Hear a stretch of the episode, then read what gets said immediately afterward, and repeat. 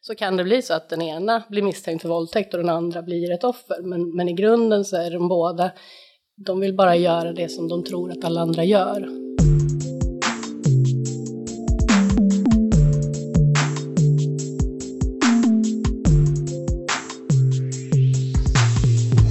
Hej och välkommen till FoU-podden. Det här avsnittet ska handla om samtyckeslagstiftningen och ett projekt kring den. Jag som gör podden heter Lena Stenbrink och är kommunikatör på FoU Sörmland. Och med i det här avsnittet är Ida Deluna Sjöholm, Hanna Bergström och Lina Larsson. Varmt välkomna.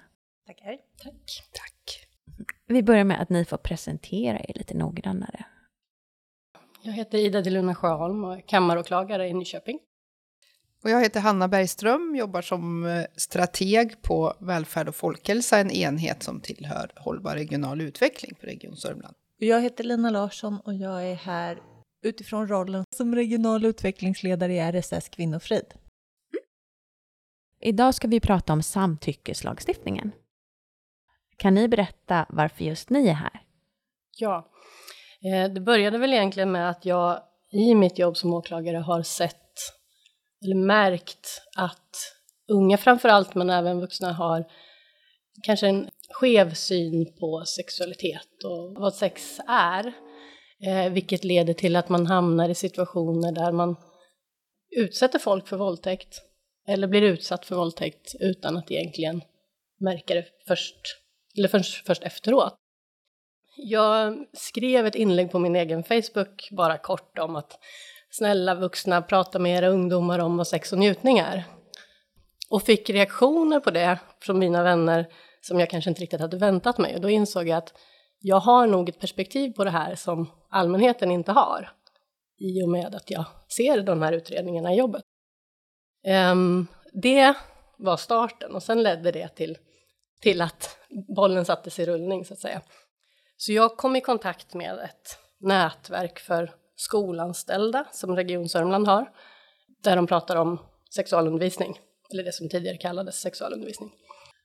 Och jag kontaktade Katarina Gustafsson som är ansvarig för det här och presenterade mig och sa att jag kanske har lite perspektiv på det här som kan vara intressant. Jag fick träffa henne och hennes kollegor och så fick jag föreläsa på det här nätverket. Och sen eh, ledde det ena till det andra och regionen tyckte det här var en intressant fråga och ville starta ett informationsprojekt om samtyckeslagstiftningen, om vad den är och det som vi polis och åklagare ser mycket är att problematiken i grunden handlar om det vi vill kalla för porrskador. Eh, att man lite slarvigt uttryckt kanske använder porren som instruktionsfilmer till vad sex och njutning är för något. Och då får man ett skevt insteg i sexuallivet och och därigenom också utsätter sig själv och andra för saker man inte behöver utsätta sig och andra för. Ja, och eh, anledningen till att jag är här är att jag fick uppdraget att vara projektledare hos oss på regionen och eh, sätta samman en projektgrupp och eh, starta upp arbetet. Och jag är här för att det här är ju en viktig fråga gällande våldsprevention. Våld i ungas parrelationer är ju någonting som påverkar förutsättningarna för parrelationer längre fram. Så att vid sidan av att det, det kan leda till psykisk ohälsa så kan det också leda till andra våldsamma relationer. Så därför är det en viktig fråga ur mitt perspektiv. Ja, vi har ju nosat lite på det, men varför behövs det här projektet? Jag tänker att det är viktigt att få ut den här informationen. Att, att allmänheten, inte bara de unga utan kanske föräldrar, vuxna i barns och ungas närhet förstår innebörden av vad de unga är utsatta för. Det som under 80-90-talet var väldigt svårt att få tag i i form av porrmaterial. Det finns två klick bort på allas mobiltelefoner. Och om man då inte har en bild av vad sex och njutning är Eh, är nyfiken som alla är, i, särskilt när de är unga och utvecklas. Och så går man in och får det här till sig som första input och tror att det är så här man ska göra. Då blir det väldigt skevt. Och min uppfattning är att allmänheten inte tänker i de banorna för de har inte sett resultatet av det på samma sätt som jag ser i, i de brottsutredningar som jag tar del av jobbet. Får jag göra ett tillägg? Jag tror inte heller att alla tänker på att debutåldern för pornografi är tio år i genomsnitt. Utan man tänker att det kanske är folk som är lite äldre än så. Så att det är, ja, nej men det, det är viktigt. Det är viktigt att prata om det här hemma, att, att man kan normalisera det och kan man ska inte skamma någonting. Det ska inte vara skambelagt att ens titta på porr, i min uppfattning. Men att man måste förstå att det här är en produktion, det här är något som är skapat många gånger som underhållning, andra gånger är dokumenterade övergrepp. Så att det finns ju många saker att säga om det. Men... Då hamnar jag kanske vid sidan om. Men det är också en arbetsmarknad som inte är reglerad, utan det är ju också det är ju ganska grova övergrepp som sker också. Ja. Eh, och eh, utifrån det som Ida pratade om här och Lina la tillägg så såg vi att då är det ju viktigt att vi tar den bollen hos oss. Eftersom vi jobbar med folkhälsa och eh, hälsofrämjande och förebyggande arbete. Och då är det viktigt att vi jobba med sånt som är ett problem eh, i samhället. Så att vi inte från vår sida jobbar med sånt som vi tänker att, att vi ska jobba med, utan att vi också tar sånt som verkligen är något som kommer från andra sidan så att säga. Jag tänker att det är viktigt dels att unga får en motvikt till det de ser i porren, men också att vuxna får kännedom om eh, Eh, vidden av det här och hur det påverkar de unga när de ser det. Det är lätt att säga att ja, men vi på 80-90-talet, det gick bra för oss eller vi klarade oss. Men klimatet är ett helt annat nu. Dels att det är lättillgängligt och också det här att alla är så exponerade på nätet och det leder inte bara till skadliga sexuella upplevelser utan också till kanske fildelningar, bilddelningar och sånt som man egentligen inte vill medverka till och inte tänker på konsekvenserna av. Och det är jätteviktigt att man som vuxen där kan stötta upp sina ungdomar och finnas och prata om de här grejerna innan det är för sent. Eh, Ida, du initierade ju den här kontakten som resulterade i informationsprojektet och du pratade lite om det här Facebook-inlägget du hade gjort, men vad var det som fick dig att liksom, starta hela det här? Vi ser ofta i den här typen av utredningar när det gäller våldtäkter och andra sexualbrott att varken gärningsmannen eller offret egentligen vet från början vad det är de, de ger sig in på, kanske man kan säga. Man ehm, har en bild av att det här är någonting som alla gör och så gör man det utan att riktigt tänka på konsekvenserna, utan att kommunicera med varandra. Och konsekvensen blir att både offret och gärningsmannen från början trodde att de gjorde det de skulle, men det kändes inte rätt för någon av dem. Och i slutändan så har de båda lidit av det som har inträffat. Sen beroende på hur det inträffar så kan det bli så att den ena blir misstänkt för våldtäkt och den andra blir ett offer. Men i grunden så är de båda, de vill bara göra det som de tror att alla andra gör. De tror att, kanske till exempel att eh, om, om vi är tillsammans då är det det här som förväntas av mig, då ska jag göra så här. Alla har analsex vid första ligget kan man tro. Det här är bara vanligt strypsex, eh, har jag sett folk svara på frågor i förhör. Man normaliserar hårdare sex och eh, aktiviteter som kan vara fullt naturliga att ägna sig åt men kanske inte det man ska börja med utan att prata med varandra. Och där går man in i något nytt som ska vara nytt och härligt och spännande men det blir det inte alls för att man har helt fel ingångsvärden och helt fel information om, om vad är det här egentligen? Vad är det som förväntas av mig vad är det jag vill egentligen? Det är ju både att inte hitta sin lust. Och sen är det ju också skaderisk. Alltså nu menar jag inte bara fysisk skaderisk utan också att vara utsatt för ett sexuellt övergrepp som det blir är ju en risk för sexuellt självskadebeteende, vilket är en risk för mer sexuellt självskadebeteende och även, ja nu kanske det blir moralpanikattityd, men också prostitution hör ju också ihop med den här bilden. Jag tycker det är skitsorgligt det blir ju lätt en ond cirkel där man kanske från början går in för att ha sitt första sex med någon man är kär i och det spårar ur och om vi ska vara lite generaliserande, han gör sånt han tror att han ska göra, hon går med på det för att hon tror att det är det som förväntas. I slutändan har vi en pojke som blir gripen av polis och anhållen, kanske häktad, och en flicka som blir skadad för livet sexuellt, om man ska hårdra det. Och det är de situationerna som är så sorgliga att se. Det här är inte personer som vill begå brott eller vill utsätta sig för brott, utan de har inte bättre kunskap om vad sex och njutning kan vara. Region Sörmland har ju påbörjat nu ett projekt då som ska bemöta det och det är det vi ska prata lite om idag. Och eh, eh kan du berätta mer om det, Hanna?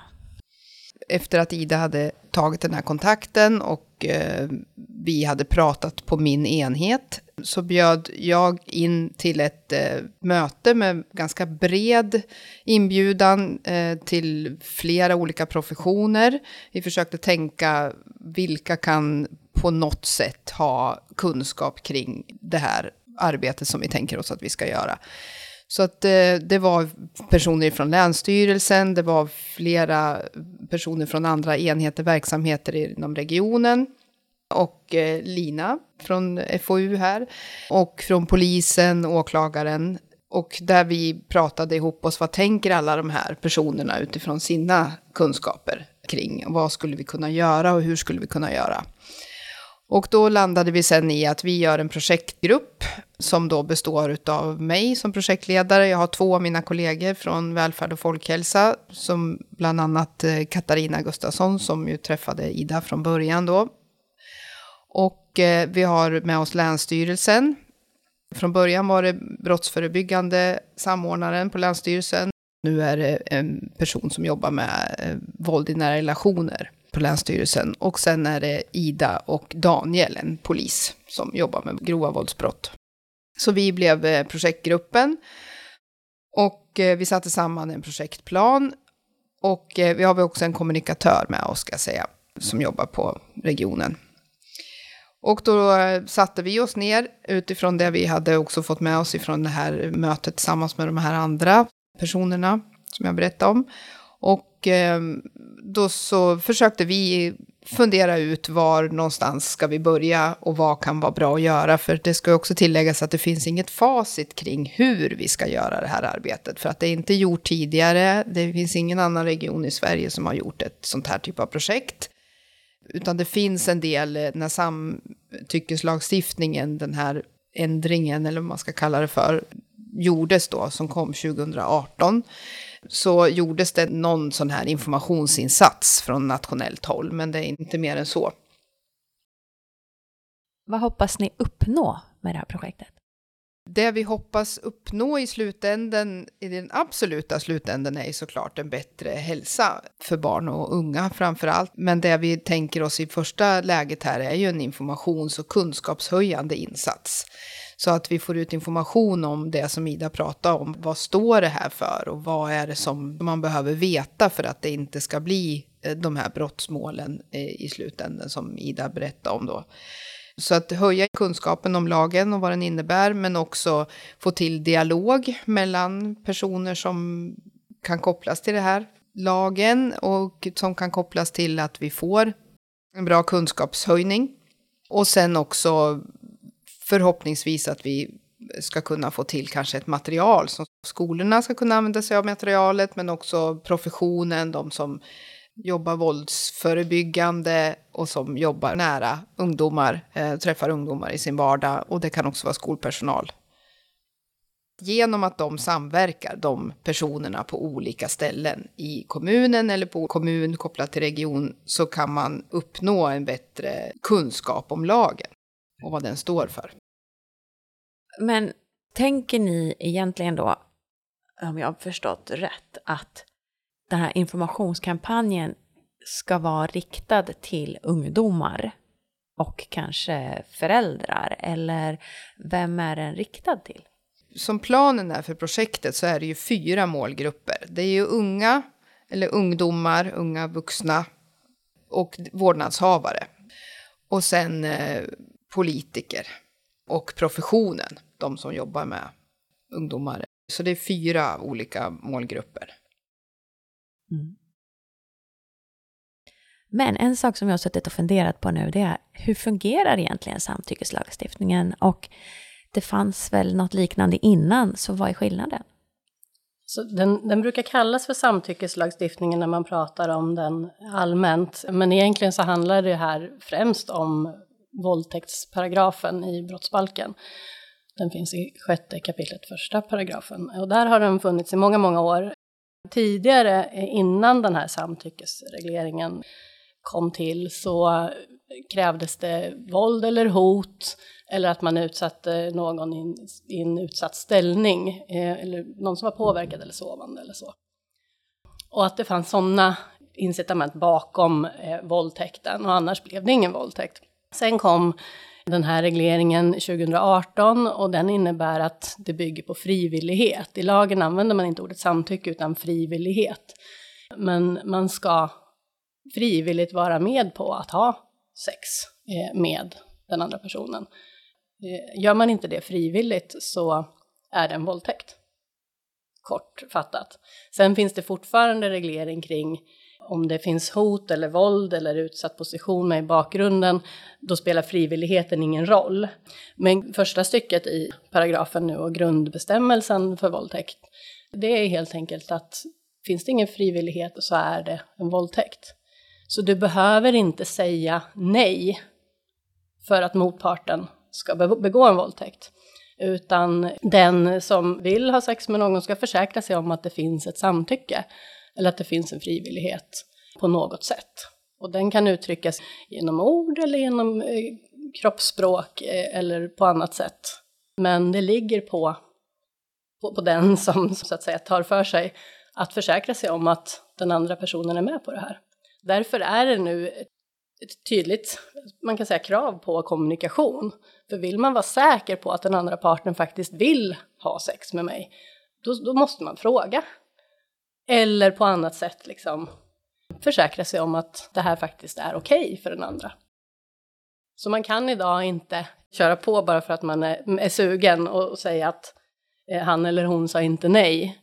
För nejet har ingen betydelse idag, utan man ska leta efter ett ja på ett eller annat sätt. Och det är det som är skillnaden mot den tidigare regleringen. Men det, som sagt, det ställer också mer krav på kommunikation. För att man inte ska råka begå en våldtäkt genom att inte försäkra sig om, om vad den andra personen vill. För visst kan det vara så ibland att eh, man blir så rädd att man inte vågar varken göra eller säga någonting. Och då är det ju ett nej, men... Precis. Det finns forskning på det där från Karolinska institutet och Södersjukhuset i Stockholm, tror jag det är, som har gjort en forskning 2015. Där kom man fram till i den forskningsrapporten att ungefär 70 procent av våldtäktsoffer reagerar med så kallad frozen fright. När man på ett eller annat sätt inte kan agera. Kroppen går in i en försvarsställning som gör att man inte kan säga nej, man kan inte det här som folk förväntar sig nästan ibland, att man skriker och slår och sparkar och ropar på hjälp eller säger nej, nej. Det kan vara för sent när övergreppet har påbörjats.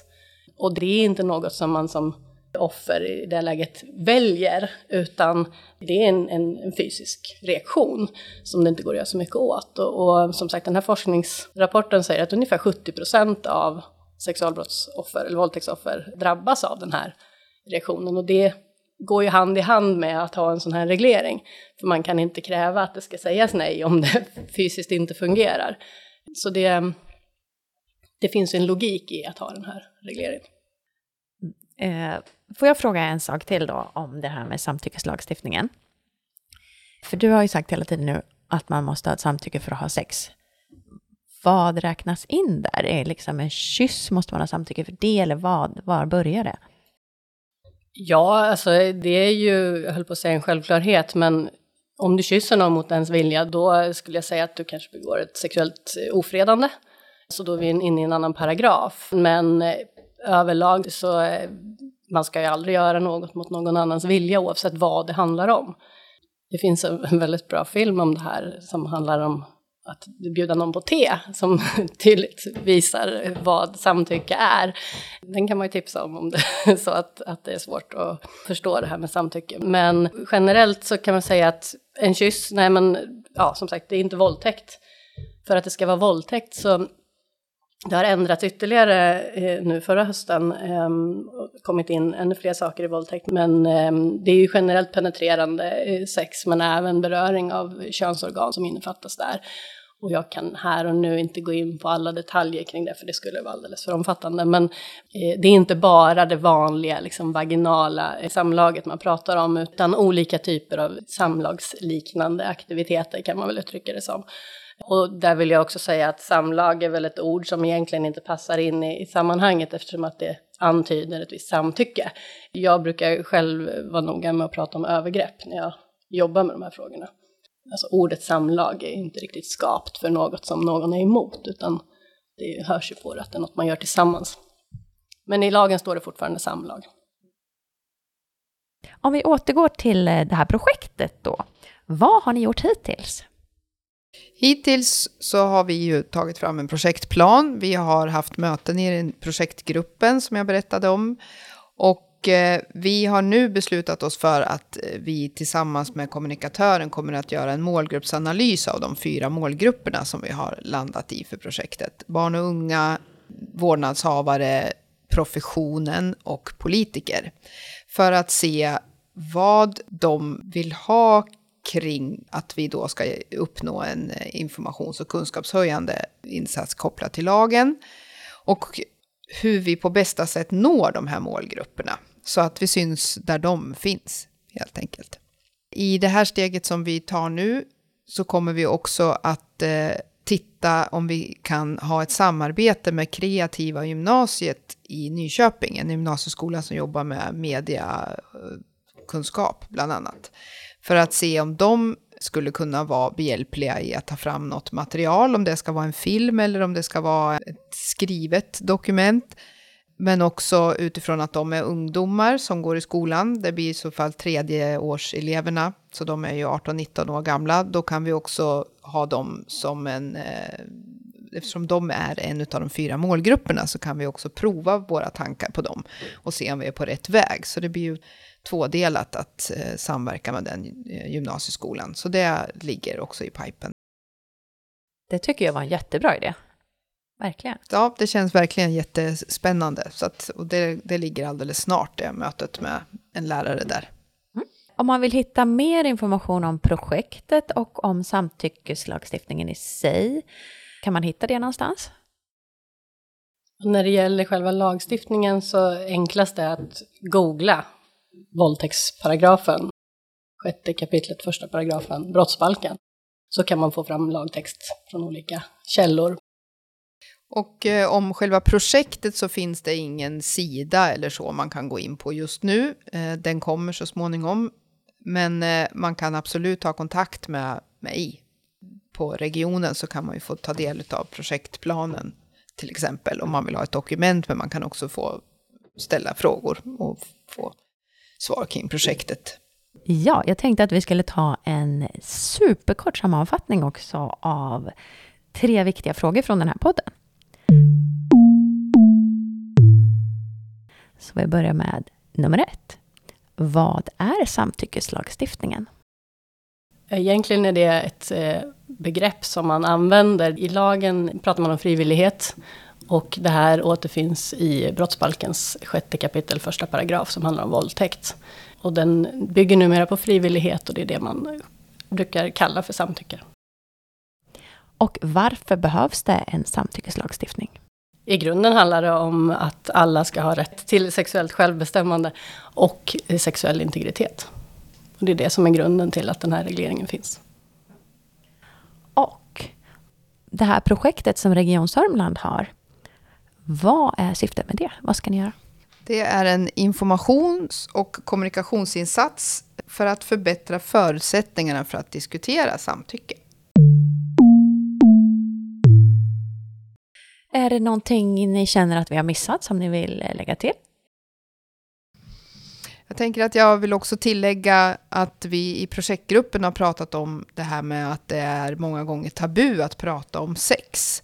Att det kan vara tabu att prata om det mellan eh, vårdnadshavare, vuxna, föräldrar eh, och sina ungdomar och barn och att det är eh, delvis också ibland tabu att prata om det mellan ungdomar sinsemellan också. Och att om vi jobbade på att det inte skulle vara tabu på samma sätt eller på samma nivå så skulle vi ju säkert kunna få ner antalet fall hos Ida eller någon annan åklagare. För att det blir inte så svårt och, och stort och hysch-hysch kring det här med sex och sexuella relationer. För det är ju ändå någonting som är naturligt i en kärleksrelation. Ja, och jag vill bara tillägga där att precis som Hanna var inne på, att skulle man kunna prata om det här, även om det är väldigt jobbigt att prata om det, eh, det har jag full förståelse för, men det har blivit viktigare i och med det digitala samhälle vi har idag. Och skulle man ha det mer avslappnat och kunna prata med sina barn och unga om det här på ett sätt som är helt avväpnat, då får man också de frågorna man kanske behöver få. Då kan man svara på de frågorna och då kan man leda in de unga på en stig som leder till ett hälsosamt sexliv. Eh, till skillnad från att de själva får söka upp den här informationen på nätet eller bland kompisar och inte riktigt veta och kanske inte heller riktigt våga fråga. Alltså skulle vi få bort tabun så har vi kommit enormt långt i de här frågorna. Men det är också viktigt att komma ihåg att som han är inne på, att sex är en normal del av en kärleksrelation, men sex kan också vara någonting som inte hör till en kärleksrelation och det kan fortfarande vara helt okej. Okay. Och även det ska man kunna prata om. Så länge alla vill så finns det inga gränser egentligen. Men det handlar just om att, att veta vad man vill och kunna kommunicera det. Och här vill jag bara bryta in med några tips. Det finns en jättebra bok om att prata med barn och unga om, om sex som heter Den viktigaste frågan eller något i den stilen. Och sen så tänker jag också att böcker som eh, Come as you are är en jättebra bok som de flesta faktiskt borde läsa. Eller om man inte vill läsa, lyssna på. Och sen så finns det också eh, för just att prata med ungdomar så tänker jag att om man skulle titta på tv-serien Sex Education tillsammans så har man ganska bra förutsättningar för en bra diskussion. Ja, det är ju ett jättebra tips att titta på sånt tillsammans om man nu inte kan börja prata om det spontant. Att hitta någon sådana vägar att gå. Ett eh, annat tips om man tycker att det här är jättejobbigt och bara vill ha någon typ av ingång. Alltså bara det att förklara för sina barn att porren är inte instruktionsfilmer jämför porren med, med Harry Potter. Harry Potter är jättebra, men det är inte på riktigt. Man ska inte lära sig köra bil genom att titta på Fast and the Furious. Men man kan fortfarande uppskatta att titta på filmen. Om barnet vill titta på porr, ja, då ska du veta att det här är inte på riktigt. Bara förmedla det så har man kommit långt. Jag vill göra ett tillägg, men inte för att det är missat, utan för att jag tycker att det spelar, spelar in i sammanhanget. Och det är att det finns ju ett projekt i Sörmland som heter Safe Selfie Academy där man har jobbat med nätutsatthet i Vingåker och Katrineholm och som en del av suicidpreventionen ska ha föreläsningar för hela eh, Sörmland i skolorna i ja, men nästa läsår tror jag att det blir. Och det tänker jag, man kan ju alltid hoppas att information når fram och ju mer olika former av information desto större möjlighet att någonting når fram till rätt person. Och det är också som, som riktar sig till elever och föräldrar. Så det vill jag berätta bara för att, för att jag tycker det känns hoppfullt att det görs olika saker. Ja, och jag vill väl bara det som Ida nämnde här tidigare, den här T-filmen, den är väldigt tydlig och bra kopplat till samtycke just. Och sen också, som Ida var inne tidigare, men att också poängtera att vi gör ju inte projektet för att moralisera på något sätt, utan finns ett samtycke så är det också viktigt att tänka att vill man ha en viss typ av sexuell relation så ska man ju ha det om samtycke finns. Det är ju inte våran sak att styra över det. Jag har pratat med elever, föreläst för elever om det här vid ett par tillfällen. Då har jag just det som Hanna säger tagit som exempel. Vi vill inte moralisera, vi ska inte säga det här får du inte göra, utan som exempel om du ska lära dig cykla, då börjar du cykla på en trehjuling, sen så får du en lite större vanlig cykel och, och sen kanske man byter upp sig till en mountainbike. Vissa vill lära sig cykla enhjuling, de flesta aldrig. Och man sätter sig inte direkt på en enhjuling i nedförsbacke om man inte kan cykla. Men om man gör det, då vet man, då har man rätt säkerhetsutrustning på sig, man har gjort det här förut, man vet precis vad det är man gör. Och då kan det vara helt okej. Okay. Om man jämför det här med att ha sex, bör man börja på trehjulingsnivån. Man bör börja med den vanliga beröring och kommunikation och, och liksom ha så kallat vanligt sex. Och sen kanske analsexet och strypsexet, det blir mountainbiken i terräng och nedförsbacke med enhjuling. Eh, och alla vill inte ens testa det. De som vill det, de ska veta vad de gör. Det exemplet brukar jag göra. Skillnaden där som är viktig att komma ihåg, det är att cykeln har inga känslor. Så det ställs ju mer krav på kommunikation när man har en levande partner i sexet. Det har varit ett sätt för, för att få dem att, att få ett perspektiv på det, också för att, för att säga det här som är så viktigt, att vi ska inte skamma någon för att de har är sugen på vissa grejer eller tycker att någonting är mer spännande än något annat, utan hittar de en partner som vill utforska, gör det. Men gör det på rätt sätt och gör det med samtycke. Och ta reda på vad tycker jag om, vad njuter jag av och kommunicera det istället för att titta vad andra gör och vad andra är intresserade av. Men en sak som jag tänkte på också som är viktig när det kommer till det här med frivillighet och jag pratade om att man ska försäkra sig om att det finns ett ja. Det är också viktigt att komma ihåg att det är inte den inre viljan som räknas utan den viljan som kommuniceras. Vi ser ibland exempel på att man är osäker och inte riktigt, man vet att det här förväntas nog av mig men jag vill inte. Och att man då, man kan kalla det spela med. Och, och i den situationen, där är ju, begås det inga brott. Om man liksom man känner inombords att det här känns kanske inte bra. Man, man, visar med fysiskt och kanske till och med med talet att man är med på det här och kommunicerar inte sin inre känsla. Och sen efteråt känns det jobbigt för att man inte ville. Det är aldrig en våldtäkt. Och det är också viktigt att båda parter måste stå upp för sin egen känsla. Och det finns ingen som kan läsa någon annans tankar. Även om det finns ett krav på, eh, på frivillighet så kan frivilligheten uttryckas även om det inre jaget säger nej. Eh, och det är också en viktig sak att ta upp, att man måste stå för sin, sin egen inre vilja. Mm, bra avslutning tycker jag. Eh, får jag säga tack så jättemycket för att ni kom och pratade om det här viktiga ämnet. Tack för att vi fick komma hit. Ja, tack. tack. Och till dig som har lyssnat så vill jag säga först och främst att vi ber om ursäkt för att de håller på och bygger på våningen ovanför här och det har låtit ganska mycket. Och så vill jag tacka för att du ändå har orkat lyssna igenom avsnittet och hoppas att du återkommer och vill höra fler avsnitt. Ha en toppenfin dag. Hej då!